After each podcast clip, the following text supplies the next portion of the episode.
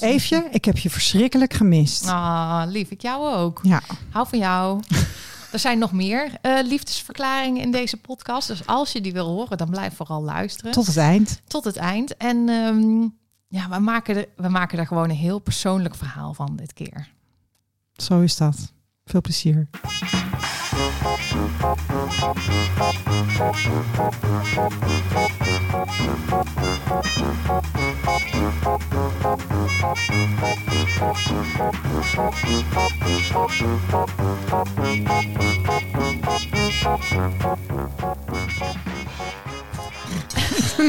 nee, ik neem geen hapje. Oké. Oké, we zijn er. Ja joh, en we doen gewoon even gezellig een episode samen zo eh, tussen alle gesprekken Ja. met, eh, met die eh, fantastische mensen door. Ja, ik vind het ook heel fijn. We doen het ietsje minder, want Ja. we nemen een beetje tijd voor onszelf. Ja. Maar als we het doen, Esther, ja, dan staat ook het scherm helemaal vol. Ja, ik ben benieuwd, ik ben benieuwd hoe- hoeveel tijd we nodig hebben vandaag. Ja. Even. Nou, ik ga voor minimaal, nee, maximaal anderhalf uur. Ja, oké. Nou, Go. ik kan snel gelukkig heel snel praten. Ja. Ehm, Esther, mensen kunnen dus eh, vriend van de show worden. ja, Via www.vriendvandeshow.nl slash de streepje kwak streepje kwaak. ja. En ehm, sinds vorige keer hebben we weer twee nieuwe vrienden. Die wil ik even welkom heten. Dat zijn Rinske en Sjoerd. En van Rinske hadden we ook een heel leuke mail. Dus Ja. dat wordt ook altijd heel erg gewaardeerd. Ook al krijg je niet meteen antwoord. Want ik zag nu dat er sinds 1 maart nog een aantal mails staan die nog om beantwoording vragen. Maar weet dat we het zien en dat we het heel erg waarderen. En ik wou even zeggen dat sommige mensen zijn hun tweede vriendschapsjaar ingegaan. Dat is hebben dus- ook wel een feestje waard. Hè? Ik vind Ja. eigenlijk dat we daar gewoon een soort van dat we daar een feestje voor moeten geven dan. Oh, voor die, voor die mensen die... eh, ja. Ja. zeker. Want Ja. hebben bijvoorbeeld sommige mensen... Toen wij begonnen vorig jaar met Vriend van de Show... hebben ze een soort eh, jaarabonnement genomen. Maar dan niet, ja, niet voor één jaar, maar eh, een doorlopend Ja, jaarabonnement. En eh, die mensen die eh, zijn dan eh, dit jaar er weer bij. wat fijn. Hoe leuk is dat? Ja, nou, wou ik super. even zeggen dat dat kan. Dus kan je over, overwegen. Ehm, reacties van luisteraars. Oh, Het stikt ervan, hè? het stikt daarvan. Ja, omdat we natuurlijk ook vorige twee weken geleden niet hebben Ja, opgenomen. ja, en wat wel leuk is, is dat we. ehm, we natuurlijk een oproep gedaan ook aan mensen van stuur een voicebericht. Hè? Mhm. En ehm, Dat doen mensen gewoon. nou, je hè? weet gewoon, dat is de kracht van, van, van herhaling hè, in communicatie. Dat is een van de wetten van mede en persen in communicatie, dat je dingen moet herhalen. Ja, Het begint te landen. Want wij hebben allemaal voiceberichtjes gekregen. superleuk. Echt heel tof. De eerste is van Ivo? Die is van Ivo inderdaad. Maar horen we iets? Nee. Nee, want ik, Ik heb het geluid van niet. mijn computer uitstaan. Dan werkt het niet, hè? Dat, dat schijnt toch een wet te zijn dat je die aan moet zetten. Wacht. Even opnieuw. Daar komt hij. Hey, hallo, Ivo hier. Ik zag wat leuks nieuws in eh, MyHeritage. Ze hebben daar nu een eh, CM-explainer, oftewel Centimorgan explainer. Ik doe hem even opnieuw, want ik vond hem eventjes een beetje zacht. Neem ik nog een stukje taart. Hey, hallo, Ivo hier. Ik zag wat leuks nieuws in eh, MyHeritage. Ze hebben daar nu een eh, CM-explainer, oftewel Centimorgan explainer. Eh, wat dat ding doet, je vult uh, Centimorgans in dat je met iemand deelt, jouw leeftijd en de leeftijd van de match. En vervolgens krijg je alle mogelijke verwantschappen terug en eh, de meest recente gemeenschappelijke voorouder. Eh, waarom is dat handig? In Nederland is er vaak verwarring over eh, de term nicht of neef. Je hebt natuurlijk nichtje als je iemands oom of tante bent. En nicht als je grootouders deelt. Eh, bij halfbroers, halfzussen wordt hier wel, is, komt hier wel eens verwarring over. Dan denken mensen dat ze grootouders delen en in plaats van ouders. Maar ja, met deze tool zie je heel duidelijk dat als je bijvoorbeeld allebei ongeveer dezelfde leeftijd bent, je deelt 1500 centimorgans, dat je één ouder moet delen. Dat scheelt een hoop verwarring, eh, die er altijd is over de vertaling van eh, cousin en eh, niece-nephew. Groetjes! Ik vind het heel grappig, want ik, ik zag jou dus eh, zo eh, knikken. Zo van, eh, ja, logisch verhaal van Ivo. En ik was helemaal, dacht ik, een neef, nicht, Ja, grootouders delen. Ik raak hier toch helemaal van in de war. Maar jij zit natuurlijk continu in de materie. Het lullige is namelijk dat je in, in, in Nederland heb je gewoon, je hebt neven en nichten. En neven en nichten, dat, die kunnen van dezelfde generatie zijn. Of dat zijn kinderen van je broers of zussen. En ehm, in het Engels zijn daar verschillende termen voor. Ja, En dat, dat is vaak verwarrend. ja, Dus als iemand jouw niece of nephew kan zijn, dan is het niet je neef of je nicht, maar dan is het je neefje of je nichtje. Ja. Zeg maar een kind van eh, een volle broer of zus. ook al zoiets waar we eigenlijk geen geschikte taal voor hebben. Nee, klopt, klopt. Ehm, maar goed, het, het, is inderdaad heel fijn dat MyHeritage die, die explainer heeft. Ik heb wel eh, inmiddels ook wel wat, wat, wat ehm, de afgelopen weken wat verwarring gehad rondom ehm, eh, verwantschappen die, eh die MyHeritage dan ehm, inschat. Ehm hadden een vader gevonden, of in ieder geval iemand had ze- zijn mogelijke halfzus getest. En die mevrouw die kwam eruit als tante, want zij was 20 jaar ouder. En de kans dat het uh, halfzus was, was dan heel erg klein. Ja. Ja, die had een halfzus van 20 jaar ouder. ja. Zo. ja dus hij had een oudere. Zijn, zijn, zijn, die, die, donorvader was wat, eh, was wat ouder. Dus hij had een oudere zus. Maar dan komt daar dus eigenlijk uit dat dat zijn tante is. Ja. Dus die, die, de, van was verwarring alom. Van, hè, hè, is ze niet mijn halfzus? Jawel, jawel. Ze is, Ja. ze is je halfzus. Ontspan. Nee, maar ze, ja, maar ik kan me gewoon de verwarring heel goed Ja, voorstellen. Toen ben ik er even ingedoken. Ben ik bij mijn, bij mijn eigen resultaten gaan kijken. En toen zag ik dat mijn broer Peter, Peter, dat ik mijn broer Peter, ehm, waarvan ik zelf die in mijn boom staat en waarvan ik zelf heb aangegeven dat het mijn broer is, Ja. die twee jaar jonger is dan ik, en dat mijn heritage gewoon daaronder zet, oom. Oh, Alsof hij mijn oom is. Terwijl, een beetje raar. ja, dus het is, het, het, het is nog niet helemaal waterdicht, zeg maar. Ik gebruik zelf altijd de DNA Painter. Eh, eh, de Shared Centimorgan tool van de DNA Painter. ja. Als je DNA-painter zoekt op Google, Ja, dan, vind je hem. Dan Dus vind je hem. En dat is gewoon op basis van statistieken. ehm, ehm, en die is, die, die, die, die- daar moet je ook even induiken om hem goed, eh, goed te begrijpen. Ehm, maar dan, eh, ja, die, die Ja. vind ik toch net iets prettiger dan dat. Weet je, als mensen dit zien, dan nemen ze het voor waar aan. Ja. En dan kun je toch dus op het verkeerde been worden ja, gezet. je kan dit dus gebruiken, maar eh, niet meteen voor waar aannemen. Don't Wel jump to even- conclusions. Ja, precies. Altijd je gezonde verstand blijven Eh, hoe heet het gebruiken. ook alweer? Timo zegt altijd, assumption is the mother of all fuck-ups. Nou, Dat is correct. ja, dat is dus Ja. correct. Oké. Nee, Dankjewel. Ivo. Ja, leuk. Ehm Margaretha, eh, die is moeder van een donorkind. En die vond het heel goed dat Fion met ons in gesprek ging. En eh, dat Sandra ook zei dat er nieuwe taal nodig was. En daar zijn wij het gewoon heel erg mee eens. Ja, en die taal, dat, dat, dat maakte wel iets los, hè, ook bij mensen. Want daar Ja. kregen we echt best wel wat reacties op. Ja, eh. leuk, toch? We hebben natuurlijk sowieso met Sandra natuurlijk over, over Ludmilla gehad. Oh ja, ik vind nou ook grappig inderdaad als mensen dan eh, mailen dat ze allemaal verschillende woorden voor donorkinderen gaan Ja, gebruiken en ja. uitproberen in de mail. Ja, Fantastisch, hè? Eh, nee, want we hadden, we hadden natuurlijk met, met Sandra ook over dat er inderdaad nieuwe taal nodig is. En, en, en ehm, we hebben het toen over de taalstaat gehad. En daar, daar is Ludmilla op teruggekomen. ja, Kregen we bericht. Ehm, zal ik voorlezen? ja, ja. Of ik dacht een beetje samenvatten misschien. Oké, oké. Oh. Vat jij het even samen? ik dacht eigenlijk, oh, daar is Esther vast heel Oh, goed in. Ja. Ehm, Nou, het komt, het komt er in het kort op neer Ja. dat dit haar wel allemaal prikkelt.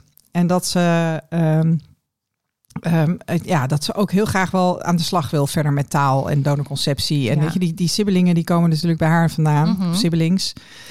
Eh, nee, sibbelingen. ehm, hè, dus die, die komen bij haar vandaan. Eh, dus we, we, we kunnen vast wel het nodige op dat vlak nog van, eh van Ludmilla verwachten. Ja, die gaat gewoon hier eh, op eh Ze gaat erover denken. denk ik. Ja, maar ze gaat, ja, ze gaat, er, ze gaat Ja. erover denken. Dus Ja. die, die, die ligt nog even in de week. Dus als je ook taalvragen nog hebt, dan kan je die misschien ehm, via ons met Ludmilla delen. Dat is misschien ook wel leuk. Hè? Rondom donorconceptie dan, hè? niet andere dingen.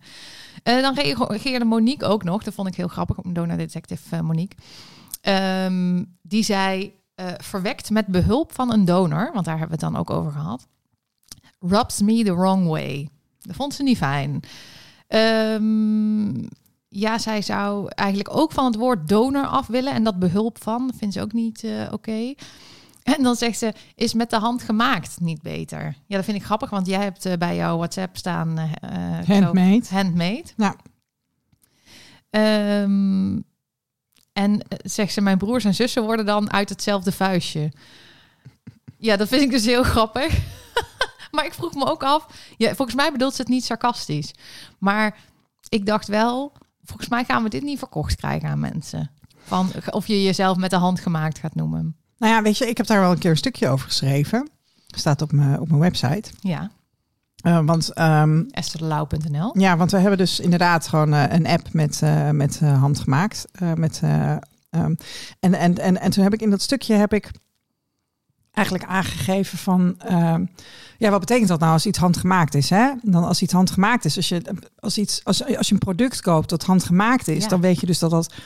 Dat is met zorg bereid. Het heeft zeg vaak maar. veel geld, kost het vaak, toch? Een uniek exemplaar. Ja, ook nog. Hè? Ja. Met hier en daar misschien een, een schoonheidsfoutje. Ja, Het, het, het, ik, vind, ik vind hem op zich, als je, als je de lading van dat, van dat handgemaakt.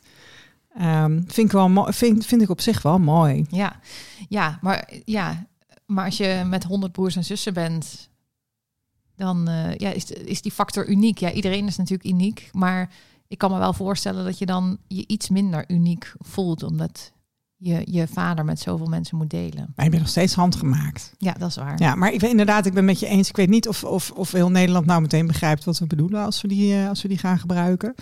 Ik begrijp wel, Monique, de weerstand tegen donor. En met behulp van, hè? want zij Ja. bedoelt eigenlijk van, dan Dat- klinkt het een beetje, oh, ik ben zo dankbaar, want ik ben met Die aardige van. meneer, hè, die, die, die, die, die zijn zaadjes dan aan ons Ja. gegeven heeft, omdat we graag een kindje willen. Die aardige meneer. Ja. Die, ja, die, die vaak niet gedoneerd heeft, maar een, een, een zakelijke transactie eh, heeft gedaan. Ja.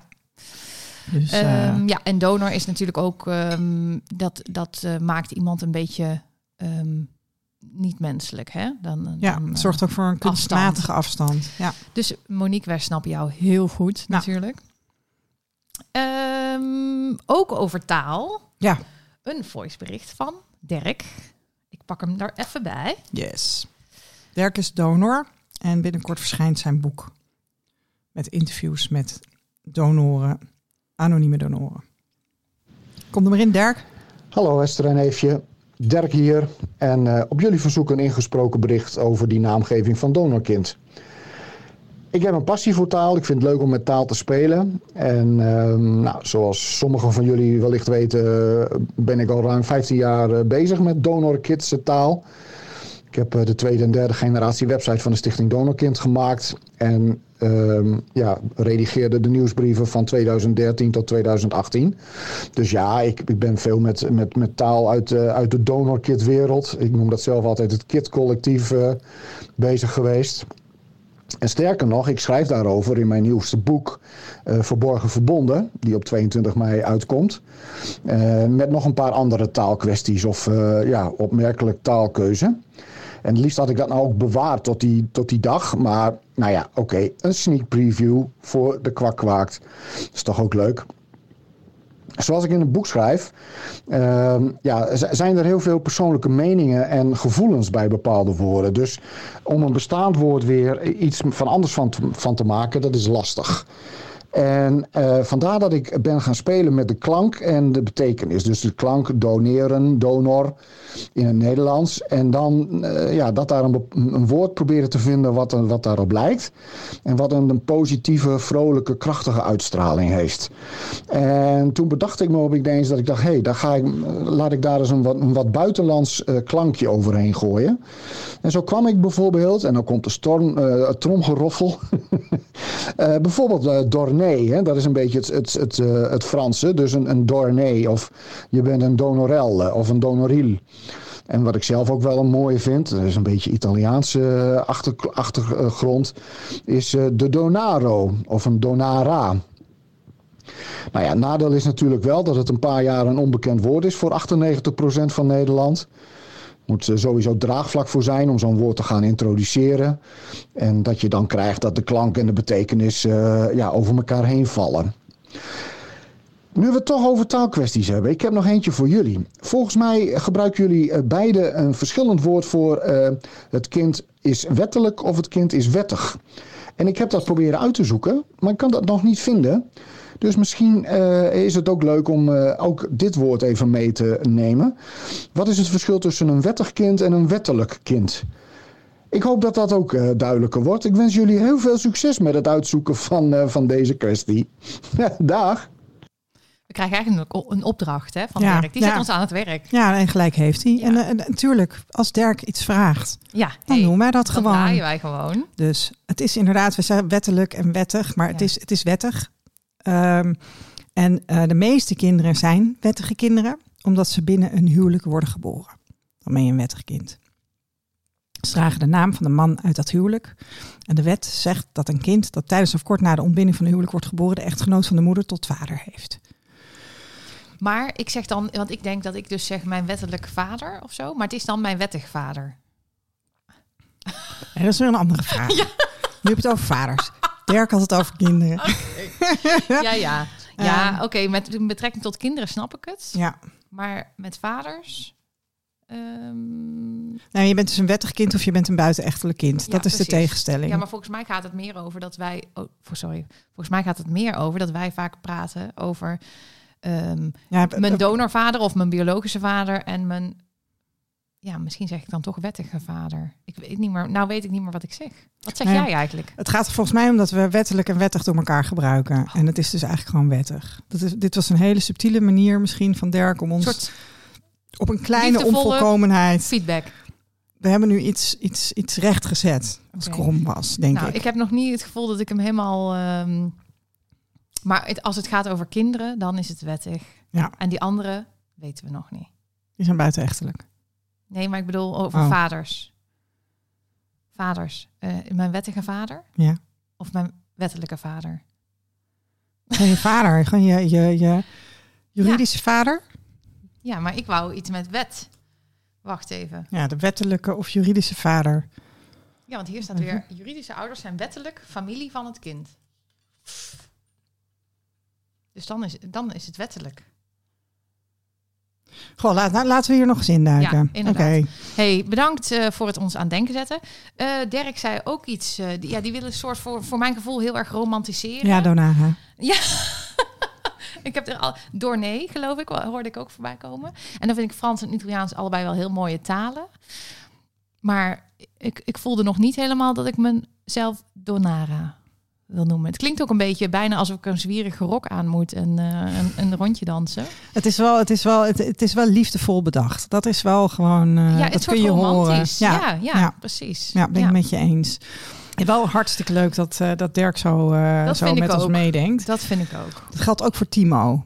Ja. Timo die ging ook voor de taalkwestie. En die Timo vond die verwarmde mijn hart Ja, helemaal. nou, en volgens mij, Timo die had ons ook wel als gemaild. Timo is de broer van de zus van een zus van mij. En, zeg maar heel snel, dan snapt niemand ja, het. nee, daarom. En eh donorkinderen snappen dat. Ja. En eh, eh, eh, Timo die, eh, eh, die vond het volgens mij een beetje te lang duren voordat er een nieuwe aflevering kwam. Dus die gooide vast een tweede erachteraan. Maar die heeft eh, ChatGPT ingezet om ehm, eh, eh, te kijken wat eh, het gebruik van een Deense donor, wat daarover gezegd wordt. Hè? Mhm. En over een eerste ontmoeting met broers en zussen. Ja, die vond ik heel mooi, ja. Die, eh, met die eh, ontmoeting. Ja, ja dat, dat over, over die. Het is, op zich wel, het is op zich wel humor. Weet je, als je, niet zo, als, je niet, als je niet zo verdrietig zou worden van die Deense donoren, dan zou het grappig kunnen zijn. Zal, ik, het, zal ik het gewoon even voorlezen? Ja. Het gebruik van een Deense donor kan verschillende voordelen hebben, zoals een hoog niveau van medische screenings, een hoge kwaliteit van het sperma. Denemarken heeft een.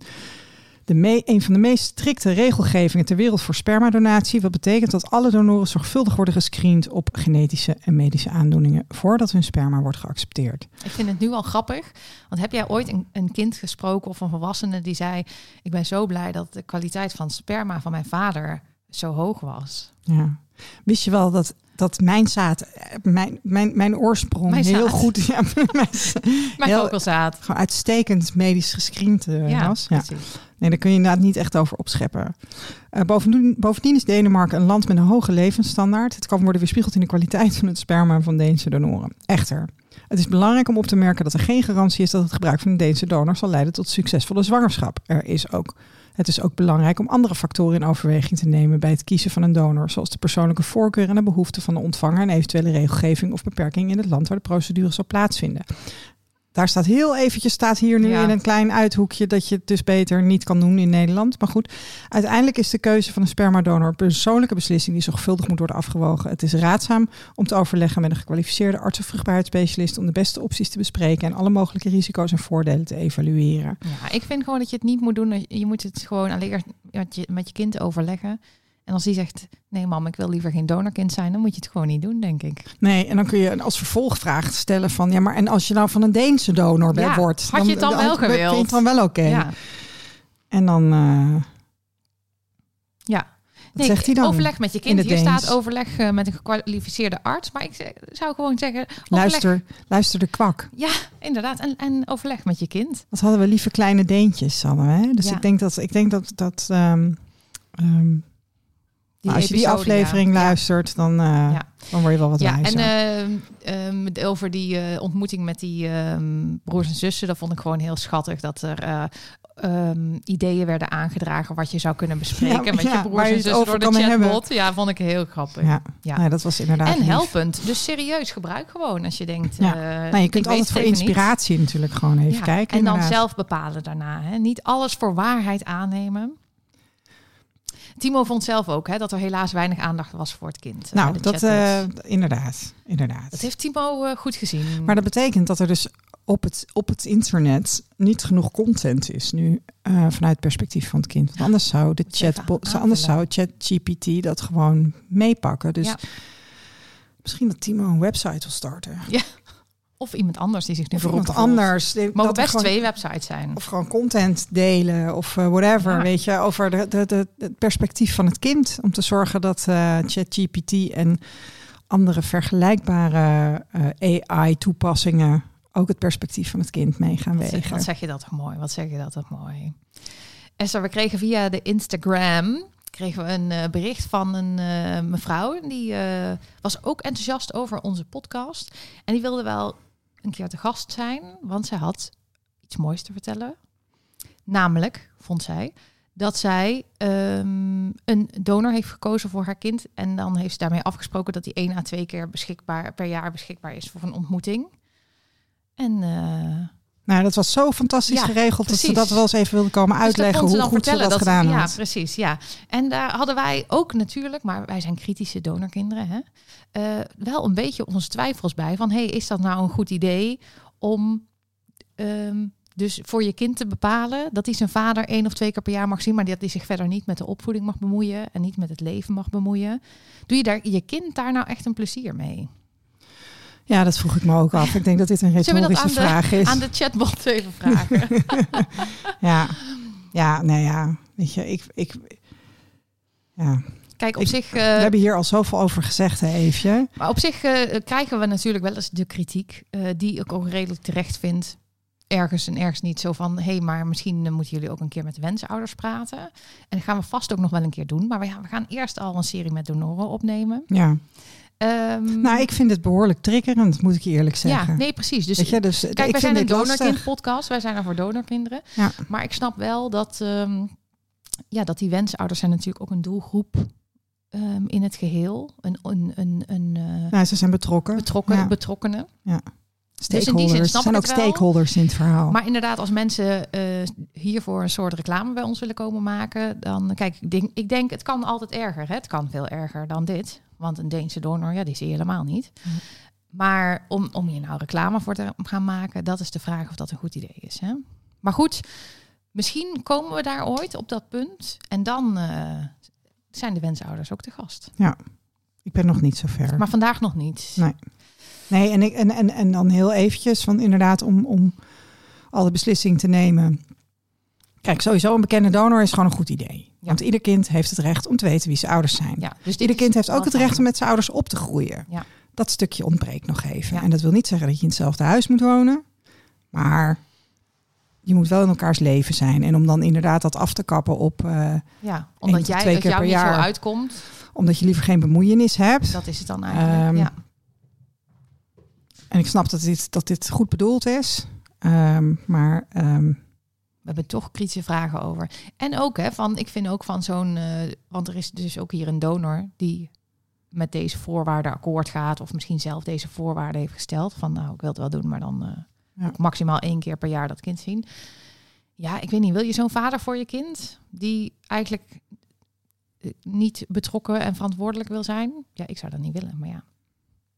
Nee, maar dat, dat blijft gewoon sowieso gek, vind ik altijd als mensen. Als, als, want er zijn echt ouders, hè, dat, dat gaat niet over dit specifieke voorbeeld, maar er zijn gewoon moeders of stellen die zeggen van, nou ja, weet je, we willen die man niet in ons leven, want wij willen, hè, we willen geen bemoeienis, we willen dit op onze eigen manier doen. En dan zeg je dus eigenlijk van, eh, ja, de, de, de, de biologische vader van mijn kind, die mag zich niet met zijn kind bemoeien. Nee. Of ik wil niet dat mijn kind en dat, daar, daar, daar, dat gaat natuurlijk mis. Als je, als je, je moet die man een plek in je leven geven. En Ja. dan kun je inderdaad, dan wordt het een soort academische discussie of één of twee keer per jaar of dat voldoende is, weet je. Maar de, de- Ja. hij moet sowieso een plek hebben. Ja, maar ik, eh, ik moet dus wel eens denken aan, ik weet eigenlijk niet of ik dat al een keer hier besproken heb, maar ehm, ken je de term eh, ouderverstoting? Die wordt dus in eh jeugdzorg, vechtscheidingenland eh, veel gebruikt. En dat is een vorm van kindermishandeling, waarbij eh, bijvoorbeeld de moeder, maar het kan ook andersom, eh, negatief spreekt over de vader, waardoor het kind eigenlijk het gevoel heeft, hè, dat gaat vaak niet bewust, maar onbewust van ik moet partij kiezen.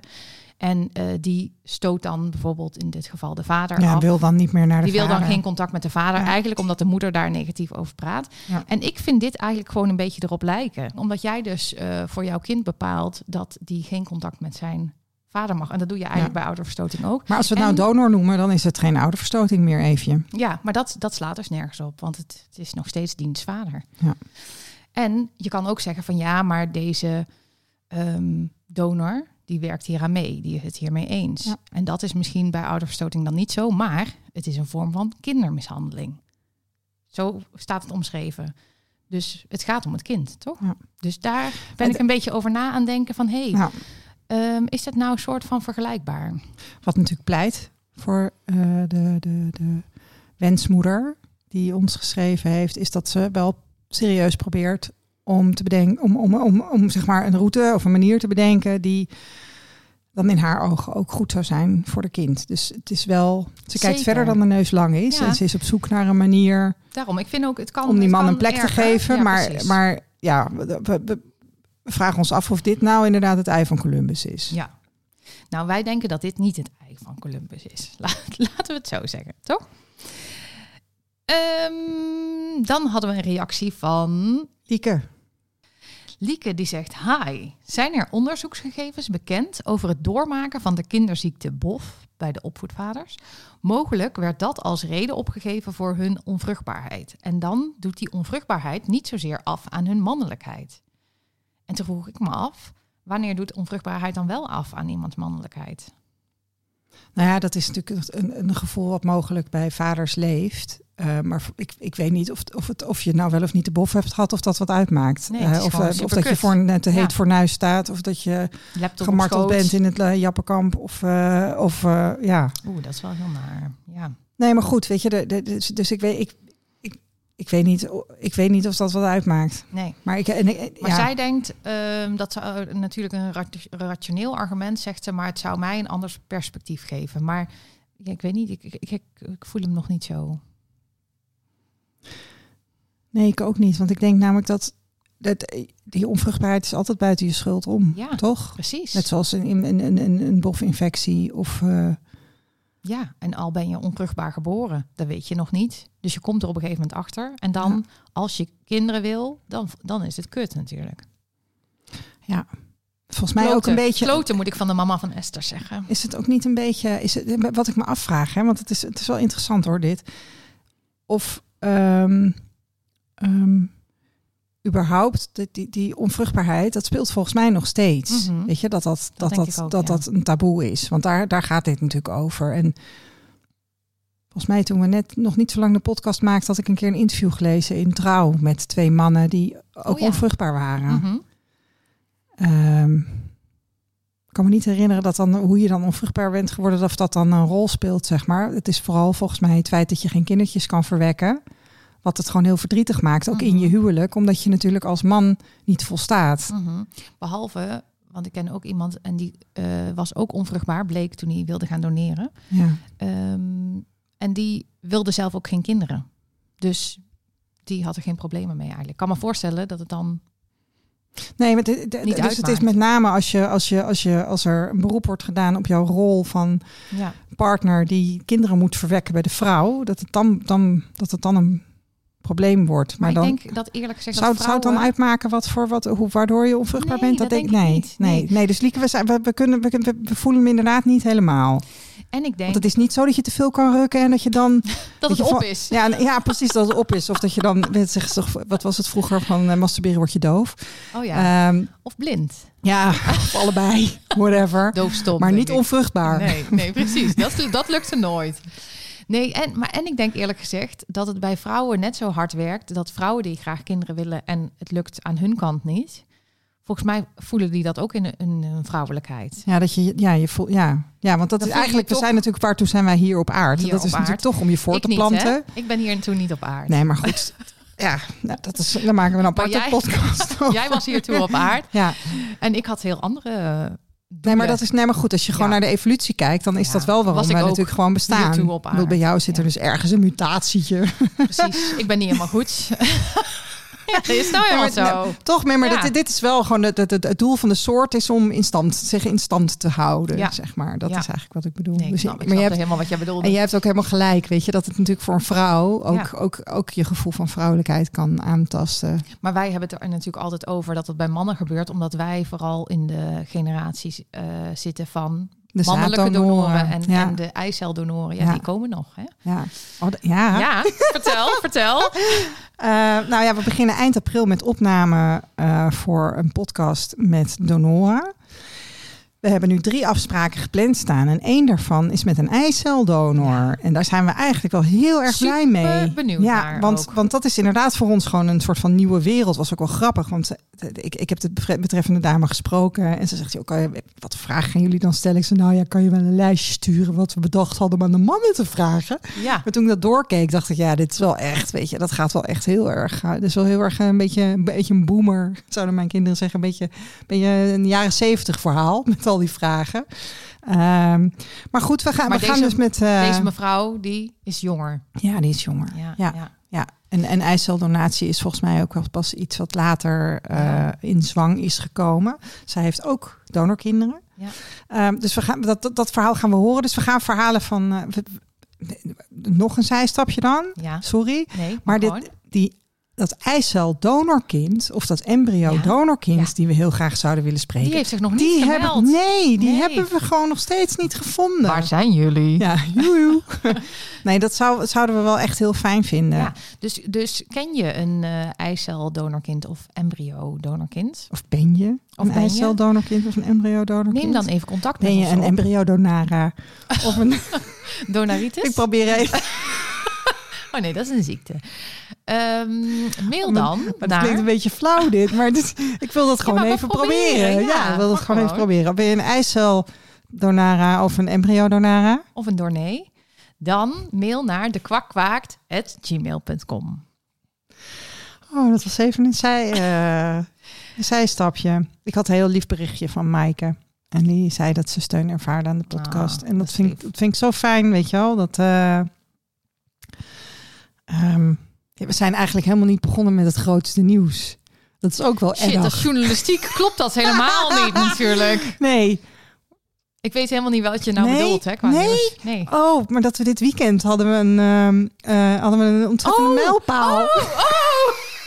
Shit, ja. Ja. Ik had speciaal taart. Nee, niet daarvoor had ik taart. Zo, die was maar lekker. ehm, nou, wij hadden inderdaad... eh, wij zaten allebei op zaterdag, ik geloof zat ik. zaterdag had ik gekeken, ja. En toen zaten we allebei de hele tijd de Soundcloud, eh, waar wij onze podcast uploaden, te verversen. Omdat eh, wij zagen dat wij richting de 50.000 streams gingen. En, dus zondagmiddag gebeurd. was het zover. En toen zag ik het bij 50.001. Ja, fantastisch. Ja, dus we hebben, we hebben ja, aan al onze luisteraars. Ja. Eigenlijk verdienen jullie allemaal een stukje taart. ja, inderdaad. En er is nog over. Ja, Dus, ja 15.000. Nee, het zijn ook geen 15.000 luisteraars, dus dat nee, scheelt. nee. Maar ik heb niet genoeg taart voor jullie allemaal. Maar ik gun jullie wel allemaal een stukje We taart. Dus wensen als je- jullie virtueel, we, we sturen jullie een virtueel taartje. Ja, nee, we vinden het hartstikke leuk. We vo- voelen ons wel vereerd met die eh 50.000. Ja, en, en, en het fijne is dus ook.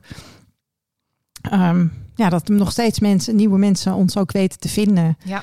En dan eh, hoor ik wel eens dat ze een aflevering luisteren en dat ze dan vooraan gaan beginnen. En eh, nou ja, dat eh, Zo was daar ook bijvoorbeeld Frank. ja. En Frank kon je merken, die mailde ons al wel. Maar die, ik dacht wel, Frank, je hebt nog niet alle afleveringen geluisterd. Want die stelde vragen ehm, waar, waarvan ik dacht, oh, daar hebben wij het veel over. Dus Frank, dat ga je nog horen.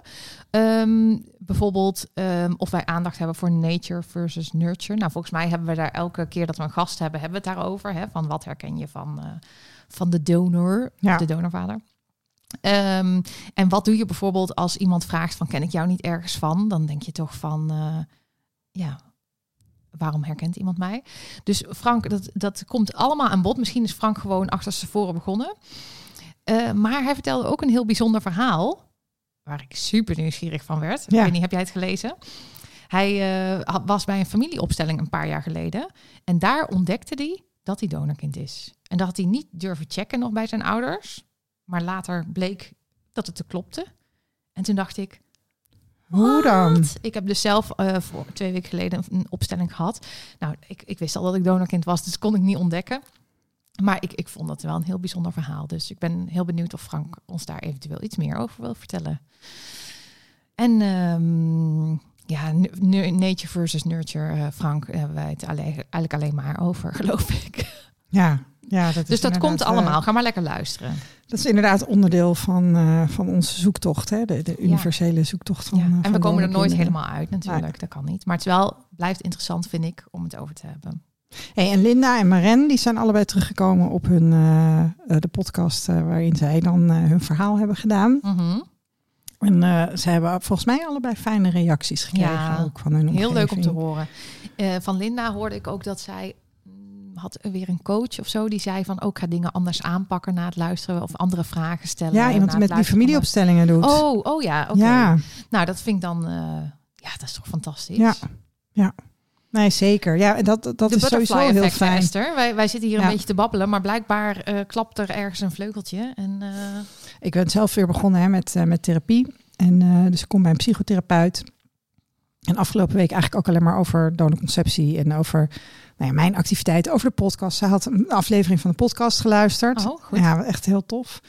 Ehm, eh, dus dus, dus eh, ehm, ja, toen mocht ik eigenlijk gewoon een soort van een uur lang vertellen wat ik ervan vind en hoe ik het ervaar. En dan hoop ik toch altijd ook dat ik iemand gewoon toch wat nieuwe zienswijze of zo bijbreng. Of, of gewoon, weet je, dat je iemand prikkelt om er ook eens anders naar te kijken dan alleen maar. We kennen vaak alleen maar de verhalen van mensen met een kinderwens, waar je, waar je gewoon heel veel begrip voor hebt, waar je de pijn van ziet, waar je die mensen, die, die ontzettend lieve mensen die een kindje gunt, weet je wel. Dus dat, ja, en ik hoop dat, dat op deze manier, dat door onze verhalen te vertellen, dat daar toch iets tegenover komt te staan. Ook van, ja, weet je, dat, dat, ja, dat is er. En, en, en, en, en ik begrijp ook dat mensen proberen om er dan vervolgens alles aan te doen om een kindje te krijgen. Maar dat, dat, dat ons perspectief gewoon daarin mee gaat tellen. En dat is inderdaad met hele kleine stapjes, vrees ik. Had je het gevoel dat je iets bereikte?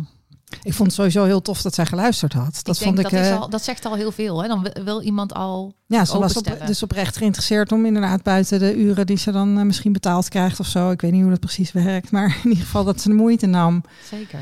Ja, ja, dat vond ik heel fijn. En zij had het gesprek met Maren gehoord. En nou ja, weet je, daar komen ook echt wel reacties op van wat een verhaal weer. Mhm. Weet je, wat een... eh, Ja. Toch ook, ook, ook eh, eh, op socials zag ik ook langskomen van uh, wat ja, een verhaal Wat zei weer. iemand ook alweer? Ja, oh ja, wat een verhaal weer inderdaad. Ja. Ja. Ehm, Esther, ik zit te twijfelen of ik iets ga vertellen over mijn privé situatie. Mm. Maar ik denk dat het op zich wel goed is. Maar wat vind je ervan dat we eerst onze nieuwe rubriek, Nou, fantastisch. de twee minuten van Ties, er even ingooien? Ik ben er heel blij mee. Ik had dus op een gegeven moment, ik spreek Ties geregeld. En dan zit hij soms te oreren, jongen. En dan denk ik, oh god, ik had moeten meeschrijven. Want dit is gewoon, weet je, dit is columnwaardig dit. Ja, En op een gegeven moment dacht ik van ja, maar als die gast nou gewoon, als hij dat nou gewoon, als hij ergens iets van vindt, als hij dat nou gewoon opneemt en naar ons toestuurt, dan kunnen we dat gewoon in de podcast ja meenemen. fantastisch. Ik vond het ook grappig dat jij had eerst gezegd de minuut van Ja, Ties. en dat was dus de minuut van Ties. En Ties vond zelf ook de twee minuten van Ties Ja. beter allitereren. Ja, het was met die reden. En hij had wat meer tijd tijd volgeluld. ja. Nou, een minuut is ook erg kort. Ik was heel blij mee eh, dat Ties eh, er twee minuten van maakt eigenlijk. Ja, Prima. ja. En als Ties stiekem eroverheen lult, maakt ons ook niks uit. Nou, dat zit ook best in. De kans bestaat natuurlijk dat hij dat doet. Maar eh, bij deze dus ehm, de twee minuten van Ties. Wonderlijk genoeg, ook donorkinderen hebben rechten. Sterker nog, het is een kinderrecht en daar moet, dat moet onafhankelijk getoetst worden. Eh, dus dat kan niet. En nou, bijna 100%, ruim 90% zegt je moet gewoon ingelicht worden door de overheid. Dat is niet zo heel ingewikkeld. De twee minuten van Ties. Afgelopen maand was de maand van de leuke seks. Als donorkind ben ik geboren zonder seks. En als donor heb ik allemaal kinderen zonder seks. Dus in mijn leven is seks niet voor de voortplanting, procreatie, maar voor het leuk. Recreatie. Leuke, lekkere, lustvolle en het liefst ook zorgeloze seks. En dat is voor donorkinderen niet vanzelfsprekend. Want wat nou als je 500 halfbroers of zussen hebt? Of 200, of 100, of 50, of 10? Of je weet het niet. Als je ze niet kent, dan heb je toch wat minder zorgeloze seks. Want ik weet niet hoe het met jou zit, maar ik vind het toch fijn om zeker te weten dat ik niet met een familielid in bed lig. Niet met mijn zus of broer, mijn donorvader, mijn oom of tante, mijn neef of nicht. En natuurlijk is het in Nederland niet meer anoniem, maar veel donorkinderen kennen toch nog niet al hun biologische familieleden. En als je van een buitenlandse kliniek bent, dan ken je die nooit. Want die sturen het ook naar landen waar het nog wel anoniem is. En dan heb je nooit overzicht over hoeveel het er zijn en wie het zijn. En misschien denk je nu als arts of als wenshouder: ja, maar dat is een klein risico. Dat is nog wel acceptabel. Probeer je dan eens goed in te leven hoe dat is voor een donorkind. Of doe de volgende oefening. Nodig een aantal familieleden uit, je broer, je zus, je ouders, je neven en nichten, en gaan samen naar een drukke darkroom in een parenclub. Is het dan voor jezelf ook een acceptabel risico? Doe gewoon geen donor uit het buitenland en gun donorkinderen ook leuke, lekkere, lustvolle en zorgeloze seks. Ja, dat vind ik dus zo'n geniale invalshoek. Ja, Eh, maart, het is eigenlijk nog maart. Dus het is eh, deze maand, eh, Esther. Ja. Het is een maand van de leuke seks. En inderdaad, ja, ik wil ook niet. eh Timo we, moest ook een, laten we eh, snel afronden. Timo, Timo, die moest ook even een DNA-testje doen. Ik wou toch ook liever niet met mijn halfbroer in bed Nee. liggen. Nee, het is een heel terecht punt. En het speelt ook wel leuk in op de actualiteit. Hè, want er is, Laten we eh, snel afronden. Sorry, hij kwam iets te laat binnen. Oké.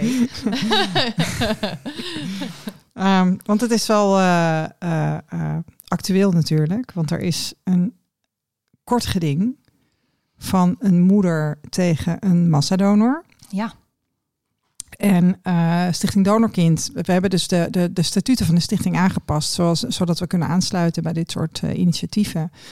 Ehm, en de bedoeling is dus om iemand die misschien al 550 kinderen heeft op dit moment, Mhm. om die te laten stoppen met, eh, met doneren. Ja.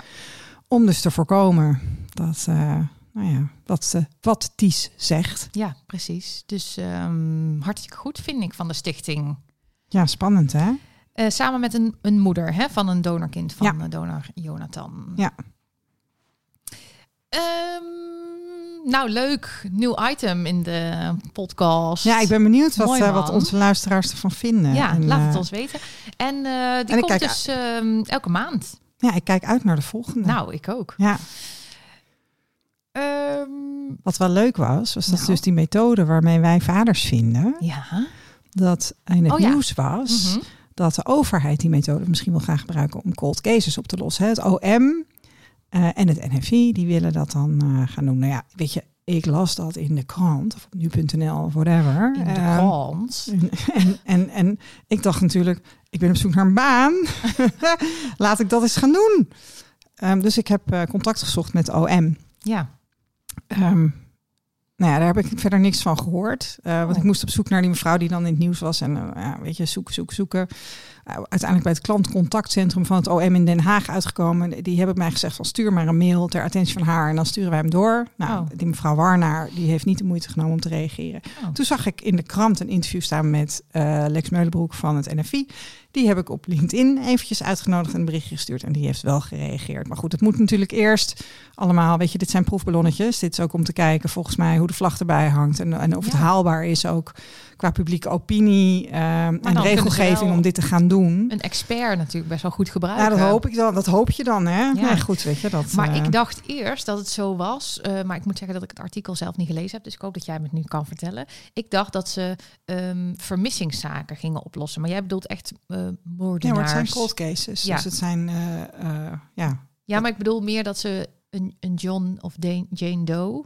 dat ze die dan soort van kunnen thuisbrengen. Dat de familie... Nee, dit gaat, over, dit gaat volgens mij over misdrijven. Oh, sorry. Ehm, niet blazen maar maar, maar de, de, de methode is inderdaad... Ik, ik weet niet wat er allemaal onder cold cases Nee. valt. Maar ehm, ik weet in ieder geval dat eh, eh, in de Verenigde Staten al honderden oude moordzaken dus eh, op die manier zijn opgelost. Ja. Oh, en ik dacht dus inderdaad dat ze daar vooral de, de ehm, ja, soort van de mensen terugbrachten naar hun familie. Zodat Nee hoor, gewoon de Golden State Killer. Gewoon Ja. van die, Oh, van die seriemoordenaars die. Oh, eh, die dan alsnog op deze manier gevonden Hey worden. Esther, dat zou echt een Vet mooie shit, job hè? zijn, toch? Nou, wat, er- wat sowieso heel mooi is, en dat is, dat is denk ik ook met, met als, als je inderdaad als je van die onbekende doden hebt, dat je ehm, ehm, als je donorkind bent en je weet niet wie je vader is, dat is gewoon best wel een grote levensvraag. Maar als jij ehm, eh, achterblijft nadat jou, hè, een familielid van jou is, is, is, is vermoord. ehm, eh, of iets akeligs is overkomen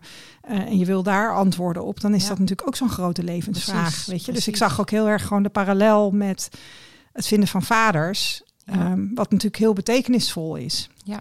En ik denk dat dat.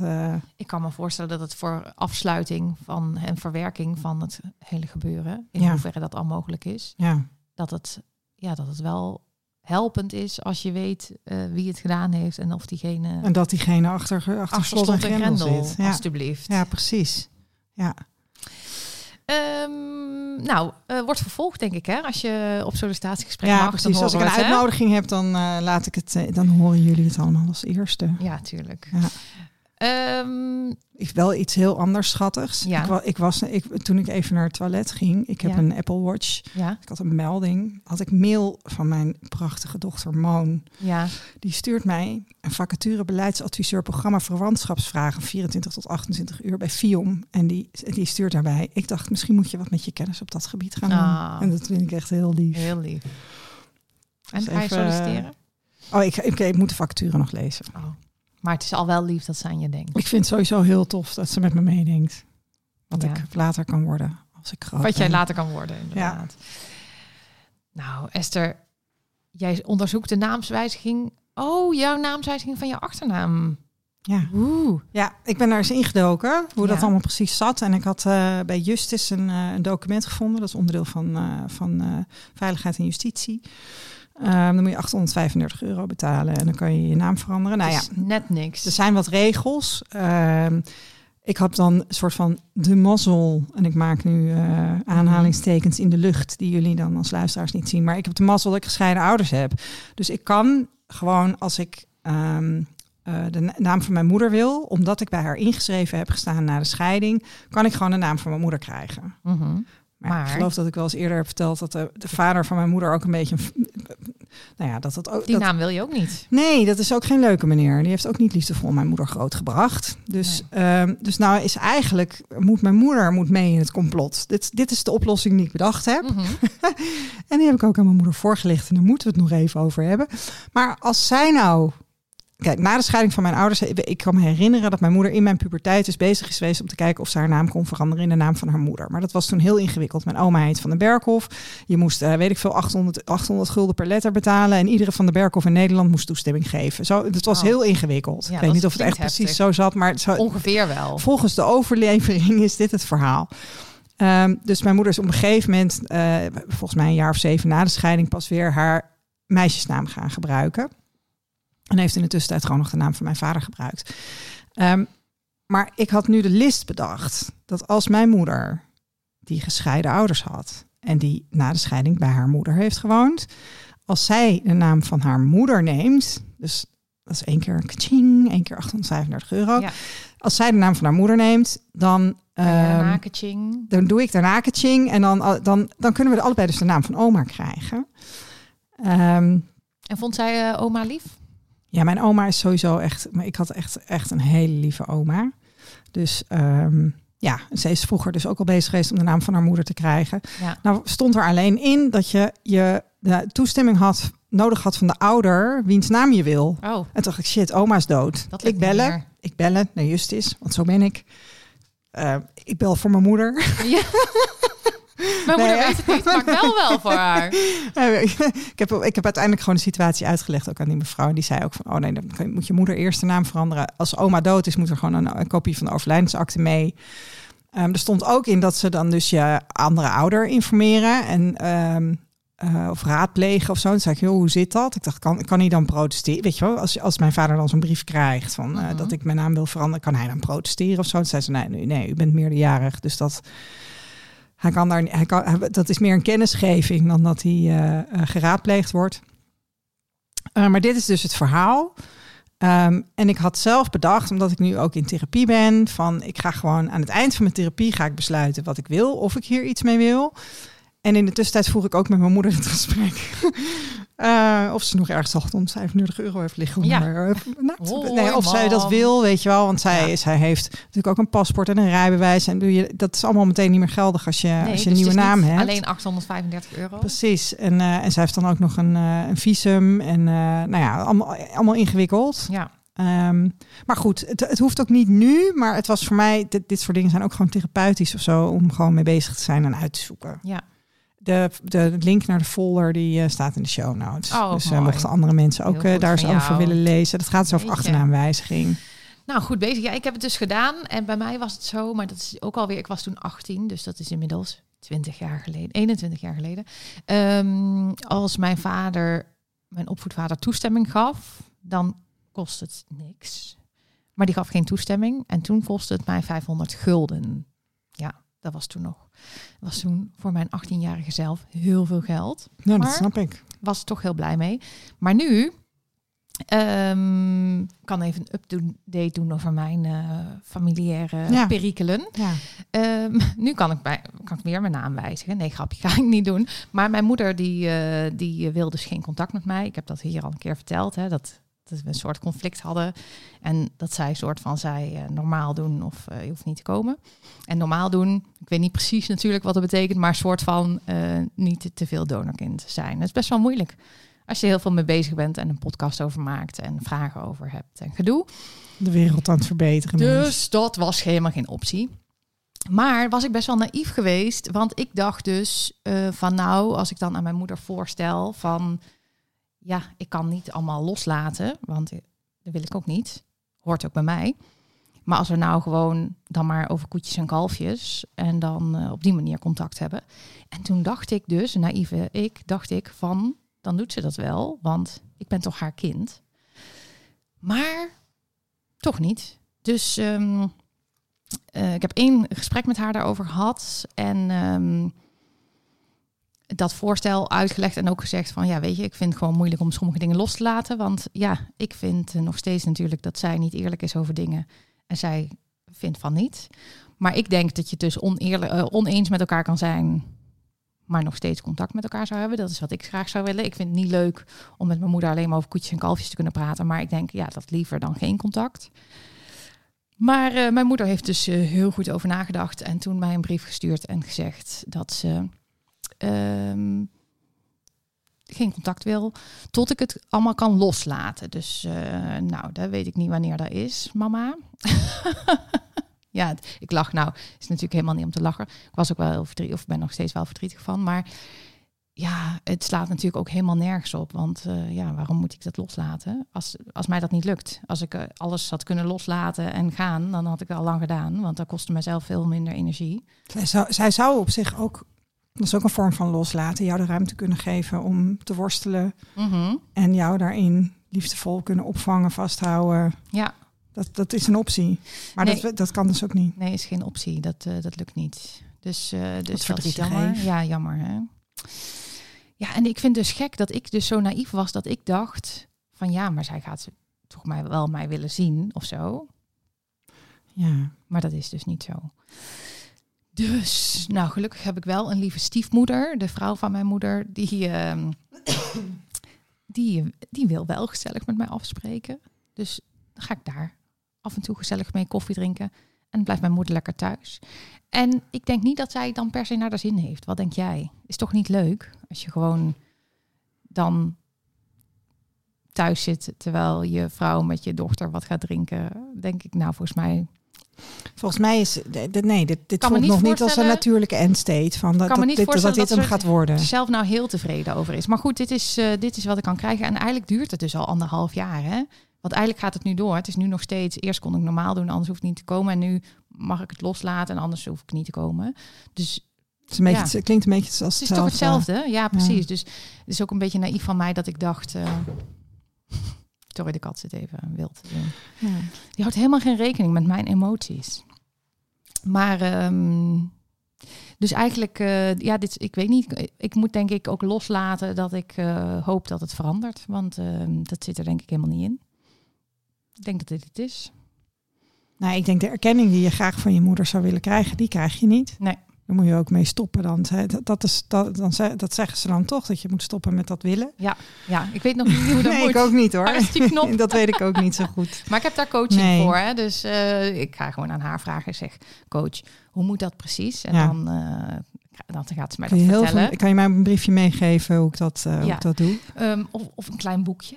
Een soort handleiding. Ja. Zou ik ook wel willen. Ja. Ja, want ik, ja, ik vind het wel ingewikkeld. Ehm, ik voel me wel een soort van alleen en verlaten. Maar goed, dat is heel eh, eh, slachtofferachtig. Dat snap ik wel. Maar ik denk, nou, heel eventjes voel ik mij alleen en verlaten. En daarna ga ik mezelf bij elkaar rapen. Why? Wat is dit nou weer? Ja, nee. Ja, ik voel me dus alleen en verlaten. Want mijn Ja. va- donorvader wil geen contact. En mijn moeder wil geen contact. En mijn zus, die, eh, die is boos op mij omdat ik mijn donor wil zoeken. En daarmee mijn, mijn moeder verdriet heb gedaan.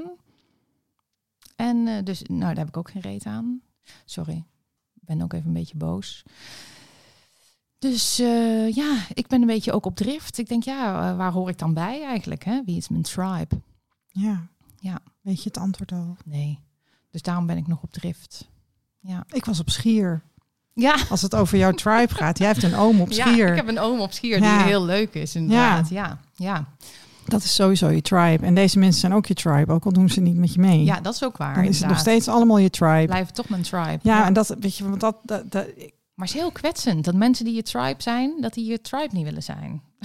stomme, hè? Ja, waarom doen mensen dat? Ja, want ik zat Nou, misschien ook willen, over- ze willen wel je tribe zijn, maar ze willen je pijn niet. Nee, precies. Ze willen alleen mijn tribe zijn als ik eh, bij mijn zus ook inderdaad mag ik als ik over eh, dagelijkse dingen eh, praten, mag ik, mag ik praten en anders niet. Ja. Nou, vind ik een beetje ongezellig. Maar weet je wat de grap is? Bij jou Nou. zeggen mensen dat, hè? Ja. Maar misschien hebben we. eh, Ja, ik vraag me af. Dus ik heb vast mensen in mijn omgeving die, die dit misschien ook wel denken, maar die het niet zeggen. Die zeggen dat niet tegen Nee. jou. Voel je het wel eens? Nou, weet ik niet. Ik heb wel, ik heb wel een vriendinnetje die op een gegeven moment tegen mij zei van eh, een aantal jaren geleden al hoor. Van eh, nou, eh, nou is het wel klaar hè. Nou, je hebt nu alles gedaan wat je kon. Zeg maar. Terwijl ik Gerard dus nog niet gevonden. Nee. Je hebt in ieder geval alles gedaan. Zo Ja. goed gedaan en nou, eh, nou is het Nou, klaar. Nou, ophouden met die Ik, dit is mijn samenvatting Ja. hoor Mhm. van het geheel. En, eh, maar dat, ik, ik merkte dat ik heb dat wel lastig gevonden. Dat ik dacht van ja, en ik heb ook een vriendinnetje. Die toen ik een keer iets eh, minder vriendelijks over wensouders zei, die, die mij echt een bericht ging sturen van nou dat ik dat echt moest verwijderen. Van het, ik had iets op Facebook of weet ik veel. Dat ik dat echt moest verwijderen. Of ik wel wist hoe kwetsend dat was. En toen dacht ik, oh, Daar zit iets. nou ja, maar die, weet dus, die heeft echt geen idee wat ik doormaak. Nee. Maar die kan zich wel verplaatsen in de pijn van. Ja. En weet je, en het gaat, die pijn van wenshouders, die is er. Ja. Dat, dat ontken ik niet. Alleen wil ik graag de pijn van donorkinderen zichtbaar maken. Mhm. Dus ik heb wel het idee dat in mijn omgeving dat er heus wel soms dingen gedacht worden. Maar eh, En waarom zeggen mensen dat dan niet, denk je? nou ja, mijn moeder die, die, die, die, die zal sowieso niet zo snel het contact met mij verbreken. Want ehm, ik denk dat ik het enige familielid ben waar zij contact mee heeft. Ja, en jouw kinderen. Ja. Ja. Ja. En mijn kinderen zijn natuurlijk ook heel belangrijk voor haar. Ja. Mijn vader heeft natuurlijk ook geen contact met mij. Nee. Of ik niet met mijn vader. Maar ook, denk ook dat op zijn, waar ook op zijn Ja. initiatief. En, Ja. en ik, ik, ik, ik, ik doe daar mijn best niet meer voor. Nee. Ja, en, en met broers en zussen blijft het gewoon zoeken. Ik heb, oh, Eefje. Ja, Esther. Nou, dan ga ik nu, ga ik nu iets doen. ik heb namelijk, ik, ben, ik ging met mijn broer een dagje naar Utrecht. En Ja. dat, dat hadden we vaker gedaan al. En dat is heel erg leuk. En dan we hebben we een beetje dezelfde smaak. En dan gaan we shoppen en lunchen en gezellig. En op een gegeven moment zegt mijn broer dus tegen mij... je weet toch wel dat ik van je hou, hè? Oh. Nee, ik wist me echt geen raad. Ik En heb ook niks terug. ik Nee, niet. ik heb niks teruggezegd. hoor. Nee? Ah. Nee, en ik heb het nog steeds niet. Heb ik niks teruggezegd. Omdat ik Ah. gewoon, ik wist me echt een soort van, ja, een soort van geen raad met, met de liefdesverklaring. Ik vind het heel fijn. Maar Ah. ik weet dat hij dit ook begrijpt. Want hij, dat, dat, dat, dat eh, want hij is, hij is ook een wegloper. Dat, ehm, dat het gewoon, dat ik het heel eng vind van of die er straks nog wel is, weet je wel. Of, Mhm. of, of die mensen, of mijn tribe bij me blijft. Mhm. Ze zijn er, maar blijven ze En ook. hij wilde denk ik eigenlijk laten merken, ik blijf. Ja, en toen heb ik dus niks teruggezegd. En ik heb nog steeds bij wijze van spreken elke keer als ik zit te poepen... dat ik denk van, oh, weet je, als ik even niks doe, bedoel ik... Ja, ja, ja. De oh mijn Dan- god momenten. Ja, Ja. Dat ik dan weer bij mezelf denk van, oh, ik vind het echt heel erg lief. En het is gewoon, het was echt mijn onvermogen. Ik kon het niet beantwoorden. Maar ik ga het nou dan gewoon in de podcast zeggen. Mooi. Dan ga ik gewoon zeggen... Ik ga ervoor zitten. Ja, ja, ja. Martin? Ik kan zeggen als je luistert. Maar het is, ik denk dat het is wanneer je luistert. Mhm. Dan, eh, want hij gaat, hij gaat luisteren. Eh, nee, maar Martin, ik hou ook van jou. Dat is Oh, mijn grote broer. Dus Fantastisch. leuk hè? Ja, heel Ja. leuk. En werd er bij jou thuis vaak niet zo vaak gezegd, ik hou van jou? Ehm, jawel. Bij mij, was het, bij mij thuis was het meer, want ik dacht altijd dat ik het niet ging zeggen in relaties. Terwijl Oh. Tim en ik doen de hele dag, Ja, vijf keer per dag, zeg maar. ja. Als we naar een andere ruimte gaan in huis, dan zeggen we wel... Love eh, you. Ik hou van jou. Eh, maar eh, mijn moeder was altijd heel erg van... ehm, eh, ik voelde altijd dat zij dan iets, iets wilde, zeg maar. Dan, dan was het meer, hadden we ruzie en dan was ik nog even... Of dan was er iets en dan was ik nog even boos. Had ik nog even tijd nodig en dan... oh, ik hou van jou. En dan dacht ik, ja, nou heb ik fucking geen zin om terug te zeggen. Ja, dus het was niet iets, Dus vond het was niet iets wat leuk was om te zeggen. Nee, zeg het maar. was niet- het was niet je nee. associeerde dat niet met hele fijne... Niet met fijne samen tegen of- elkaar aan, de, aan op de bank liggen en hou kusjes geven en dan ik hou van jou zeggen. Nee, nee, nee, precies. Dus ik, ik associe- associeerde dat inderdaad niet met fijne gevoelens. Meer Nee. zo van, Oh, dan gaat iemand over mijn grens. ja, en ik, ik moet nu eh, ook iets terugzeggen, want anders dan eh, Ja, is het niet aardig. ja. Ja. Oké. Dus, maar ja, jij herkent dat. Ja, Wat een, wat een persoonlijke aflevering, hè? nou, Best wel. Ehm, Nog een klein dingetje dan. Ik dacht dat ik Simon misschien het boek van Dirk Ja. ging sturen. ja. En, en nu denk ik weer van niet. Maar neem, neem ons even mee. Ja. Want het, dit nou, gaat eerst dacht ik dus... Ik voor de hoorde- luisteraar een beetje snel. Ik hoorde dus van het boek van Dirk en Ja. verhalen van donoren. En eh, toen Ja, want dat ik, zijn interviews. Volgens mij het zijn Oh, 22 interviews met, eh, Met met, eh, met, met, met anonieme, voorheen anonieme donoren. Ja, zoals Simon ook was. Ehm, en ik dacht, ja, is misschien leuk voor Simon. Kan die lezen over andere mensen die ook in zijn positie ooit zaten. En misschien denkt hij wel, leert hij er iets van, weet ik Ja, wel. Want ik weet ja. niet, ik weet hem, Ja. ik heb nog niet gelezen, dus ik weet niet... eh, ehm, ik weet niet wat de donoren zeggen. Maar ik denk dat er ook wel donoren tussen staan die zeggen... ik heb mijn donorkinderen ontmoet en het is hartstikke leuk. Ehm, ik dacht misschien leest Simon het en denkt hij... oh ja, je hoeft eigenlijk helemaal niet bang te zijn, niks aan de hand. Maar daarna dacht ik weer... ja, maar ik wil ook geen stalker zijn. Want ja, zo voel ik me dan. Hè? Want hij reageert niet. Dus als ik hem nou weer iets ga sturen... ten eerste, twee dingen. Mijn coach zei...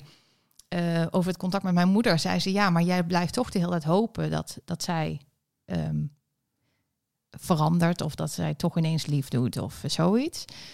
En eh, dat gaat allemaal niet gebeuren, want eh, ja, waarschijnlijk gaat zij niet meer veranderen.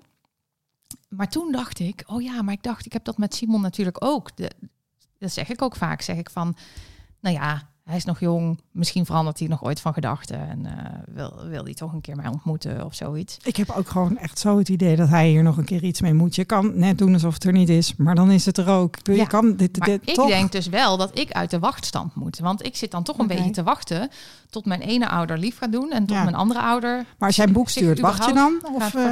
Ja, dat weet ik dus niet. Ik, ik, ik, ja, Ja. want ik, heb, ik merk Maar- dat, ik de, dat ik de neiging heb om jou toch een wil beetje... natuurlijk dat ik het boek stuur, dat weet ik wel. Ik Nou ja, weet je, wat mij betreft nodigen we hem uit in de podcast. We, we gaan een serie met donoren maken. Weet je? Van waarom wil jij nou geen contact? Ja, Simon, vertel eens. Hier bij mij aan tafel ja. graag. Ja. Ja, vertel eens. Fantastisch. Ja. Oh, ik kan misschien dat boek sturen en de uitnodiging Ja, erbij. Ja, waarom niet? Vind het heel Fuck goed it. idee. Ja, maar kijk, zo wissel ik dus eigenlijk Ja. elke tien seconden soort van, Ah. van gedachten. En dan denk ik, ja, als jij iemand een mail stuurt en die reageert niet en je hebt nog een keer een bericht gestuurd. En, en ik weet, nou, ik heb een aantal berichten gestuurd, maar... Maar je zou hem één keer per jaar. Ja. Als het weer zover is, Ja. dan vind ik gewoon... Nee, maar dat is gewoon... Sorry, Ja. even, we hebben een afspraak. Had ik het nou vorig jaar niet gedaan of heb ik het vorig jaar wel gedaan? Weet ik niet. Ik weet het maar ik, bij mij staat bij dat jij gewoon één keer per jaar gewoon even een seintje doet. Ja. Dus dan, en ik vind een cadeau vind ik dan heel Hij aardig. is eh, 14 juni jarig. Ik weet ook wanneer hij dan jarig is. Ik weet ook niet waarom ik dat weet. Omdat ik het eigenlijk gewoon op de kalender heb staan, geloof ik. maar nu vind ik het toch een goed idee. Eh, hij kan ermee doen wat hij wil natuurlijk. Ja. ja. En ehm, in de opstelling trouwens, ik had toch de familieopstelling. Ja, het zit al heel lang te praten, maar ik doe nog een beetje bij. Ja. In de familieopstelling, eh degene die stond voor mijn eh, donorvader Simon en er stond iemand voor mij. En we stonden zo tegenover elkaar naar elkaar te kijken, maar met heel veel afstand ertussen. En, ehm, en mijn familieopstelling was een beetje dat ik dacht, ja, dat klopt niet allemaal, maar ik dacht, dit klopte wel, hè? Want ik dacht, ik ben heel erg op hem gericht. Ja. En toen dacht ik, ja, misschien kijkt hij eigenlijk ook wel mijn kant op, maar hij is wel ver weg. Tieme die dacht trouwens van niet, die was erbij. Ehm, maar op een gegeven moment was er dus, eh, dan, dan eh, gebeuren er dingen in de familieopstelling en dan gaat iemand bewegen. En Simon die bewoog dus eh, mijn kant op en die kwam bij mij staan, bij mijn, eh, degene die voor mij stond. En die zei, ik vind het heel erg voor jou. En toen dacht ik, ja, dat zou natuurlijk best wel eens waar kunnen zijn. Dat hij het wel vervelend voor mij vindt, ondanks dat hij het niet doet. Maar zijn loyaliteit ligt elders. Ergens anders, ja precies. Ja. Nou, dus eh Tieme dacht van ja, die man, die Tieme dacht, die man in die opstelling, die wist gewoon ook niet wat hij moest doen. En die, die dacht, ik zeg gewoon dit. Maar ik vind het mooier om, de- om te denken Ja. dat Simon misschien best wel vervelend voor mij vindt. Ehm, dus dat wou ik over zeggen, over de opstelling. En eh, ik ga over nadenken. Ik heb nog tot 14 juni dan. Oh, maar nee, wacht niet, want het hoeft niet per se met zijn verjaardag. Oh, Je kunt ook gewoon op 28 november besluiten om hem iets te sturen. Oh, dus ja, dat, ja, is- ja. dat hangt niet op een moment. Nee, lieverd. nee, nee, Echt nee. niet. nee, inderdaad. Waarom? Ik hoef hem ook geen cadeau te geven met zijn verjaardag. Nee. Nee. Eh, dus ik denk er toch nog even over na.